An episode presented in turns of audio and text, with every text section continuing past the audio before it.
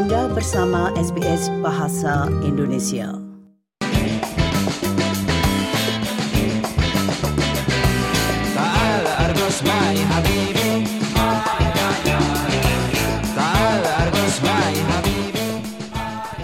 Di tahun 2023 yang baru saja berlalu, band asal Jakarta yang bernama Ali berhasil menjalani tur di Australia tidak hanya sekali, namun dua kali.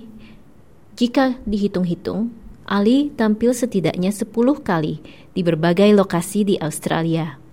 Mereka juga berhasil tampil di festival yang cukup ternama, yaitu Meredith Festival di negara bagian Victoria. Tas musik di Indonesia dan Australia. Saya mendapat kesempatan berbincang-bincang dengan anggota band yang bernama Ali ini, yaitu John Paul atau JP, Arswandaru Cahyo, dan Apsar di tengah-tengah tur mereka. Jadi saya Arswan Daru, vokal dan bass. Ada Absar, gitar.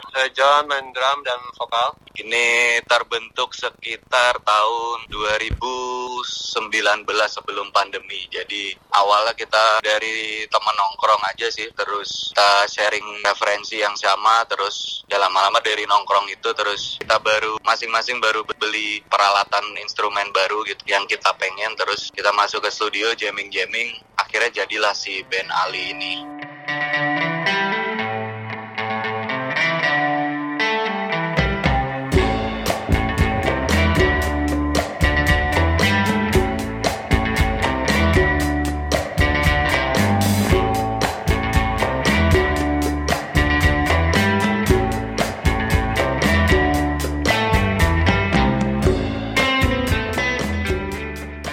Musik Ali sering disebut-sebut sebagai paduan dari gaya musik Timur Tengah, Asia Tenggara, dan juga musik rock dikombinasikan dengan funk dan disco.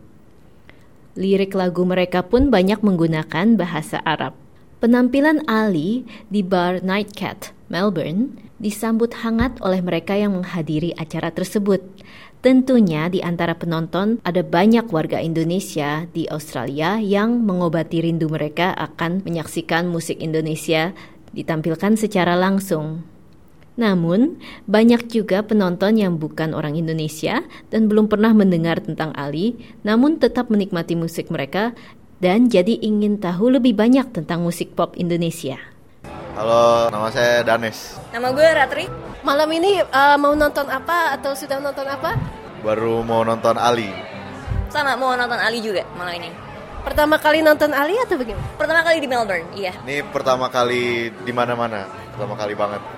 Apa yang memicu kalian untuk berminat nonton Ali ini? Sebenarnya udah tahu dari lama dari The Fest, tapi baru denger-denger pas udah di sini. Terus kepikirannya kalau ke sini boleh kali nonton ya gitu. Soalnya lumayan suka sama genre musiknya sih. Soalnya kalau buat band Indo ini kan lumayan jarang ya. Jadi fresh aja buat didengerin. Menurut James Young, yang membantu Ali dalam penyelenggaraan tur mereka di Australia, salah satu kunci keberhasilan tur band tersebut tentunya adalah musik mereka yang enak didengar. Namun, pertemanan yang dijalin selama beberapa tahun antar sesama musisi di Indonesia dan Australia juga merupakan faktor yang penting dalam terwujudnya rencana tur.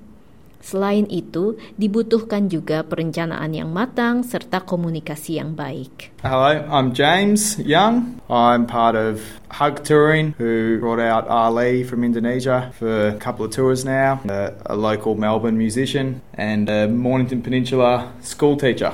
James dan rekannya di Hug Touring yang bernama Tom Hulse terbilang sudah cukup lama warawiri di skena musik Australia. Tom sudah berpengalaman membawa band Indonesia lain ke Australia seperti The Sigit. My band, Zom Beaches, got to play at all three of those previous tours. Um, so we got to meet Absar, and we got to meet JP, and then we met. I met Daru. He came out to Melbourne for an art ex- exhibition around the same time. So we already had a bit of an Indonesian connection. So then I met Daru when he came out to do his artwork. So that's how sort of like the foundations was was made. Maka, Ali pun menjalani tur di Australia dua kali di tahun 2023. Yang pertama di bulan Februari dan yang kedua di bulan Desember. Where the first time I was February tour, I was sort of open for anything and just like didn't want to lose any opportunity, so I probably got cut a little bit. I think this second tour was the, the really the one that made a big impact. PBS and Triple R were really behind it. The hype was real. I felt like everyone was very excited that they were out again. James juga berharap sebaliknya, yaitu akan lebih banyak musisi Australia, terutama yang tergolong masih pemula dan independen, yang bisa melakukan tur di Indonesia. Menurut James, bergaul dan membangun jaringan dengan seniman Indonesia membantunya mengenal Indonesia secara lebih akrab, tidak sebatas pengetahuan formal yang didapatnya dari sekolah maupun media.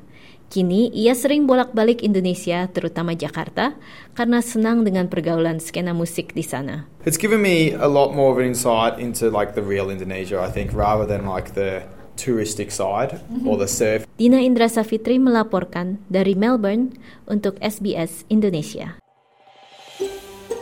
Anda ingin mendengar cerita-cerita seperti ini? Dengarkan di Apple Podcast, Google Podcast, Spotify, atau di mana pun Anda mendapatkan podcast Anda.